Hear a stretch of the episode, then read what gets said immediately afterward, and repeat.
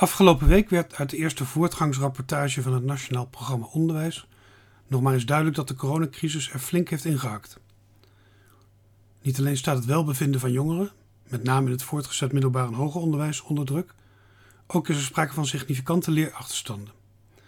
Op basisscholen lopen leerlingen gemiddeld 7 tot 10 weken achter met rekenen en begrijpend lezen. En in de eerste klasse van het voortgezet onderwijs is het nog erger. Gemiddeld een leesachterstand van 27 weken. En op het VMBO mogelijk een heel schooljaar achterstand. Het is dan ook niet voor niks dat de Kamer in grote meerderheid akkoord is gegaan met de enorme financiële impuls die het onderwijs nu krijgt. In het funderend onderwijs gaat het om bijna 6 miljard euro. In een ongekend tempo heeft het ministerie een systeem opgetuigd dat scholen moest helpen keuzes te maken voor interventies waarvan is aangetoond dat ze ook daadwerkelijk nut hebben. Scholen hebben in heel korte tijd een analyse gemaakt van de achterstand in hun specifieke situatie en vervolgens uit de menukaart van het ministerie de interventies gekozen die daar het meest passend bij zijn. Nu het stof wat is neergedwaald, krijgen we een eerste beeld van de resultaten van deze exercitie. In het primair onderwijs zijn de meest gekozen interventies instructie in kleine groepen, inzet van onderwijsassistenten, aandacht voor welbevinden van leerlingen, één op één begeleiding en directe instructie. Van deze vijf interventies vragen er vier om meer inzet van personeel. Personeel dat er niet is. Al voor corona was het lerarentekort met stip het grootste probleem in het onderwijs. En wat je nu dan ook ziet is dat scholen elkaar op de arbeidsmarkt heftiger dan ooit beconcurreren.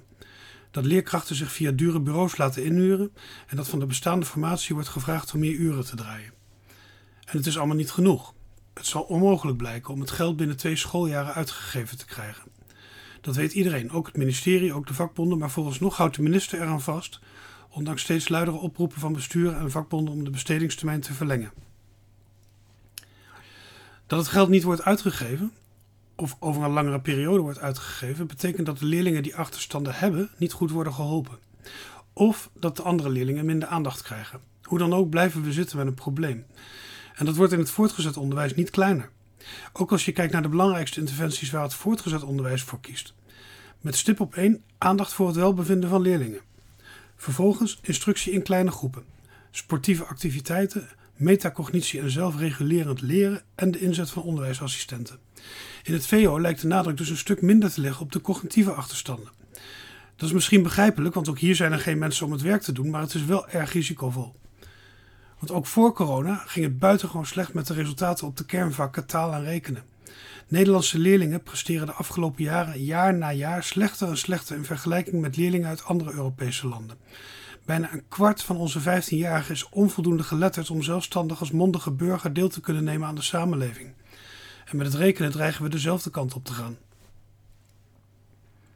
De Onderwijsraad heeft gelukkig aangekondigd in 2022 met een advies te komen wat er moet gebeuren om het niveau van de kernvakken te verbeteren. Maar daar hebben de leerlingen van nu niks meer aan. Het is de grote vraag of zij gebaat zijn bij de constante focus op achterstanden die ze hebben opgelopen en de schier onmogelijke opdracht die in twee jaar op te lossen. Misschien moeten we ons gaan openstellen voor het perspectief dat achterstanden ook maar een door onszelf bedacht probleem is. Immers, achterstand ten opzichte van wat? Eerdere jaren? Geplande eindexamens? Als we de leerlingen in hetzelfde tempo door ons schoolsysteem willen blijven proppen, ontstaan die achterstanden vanzelf, met alle narigheid die daarbij hoort, als de kinderen straks veel minder gekwalificeerd dan ze zouden kunnen in het vervolgonderwijs of op de arbeidsmarkt terechtkomen. Misschien moeten we accepteren dat er wat vertraging nodig is, om ook deze leerlingen en hun leerkrachten de kans te geven er echt uit te halen wat erin zit. En dat mag dan misschien wat langer duren. Dat creëert een organisatorisch probleem, zeker, maar dat lijkt me niet belangrijker dan het toekomstig succes en levensgeluk van een hele generatie schoolkinderen.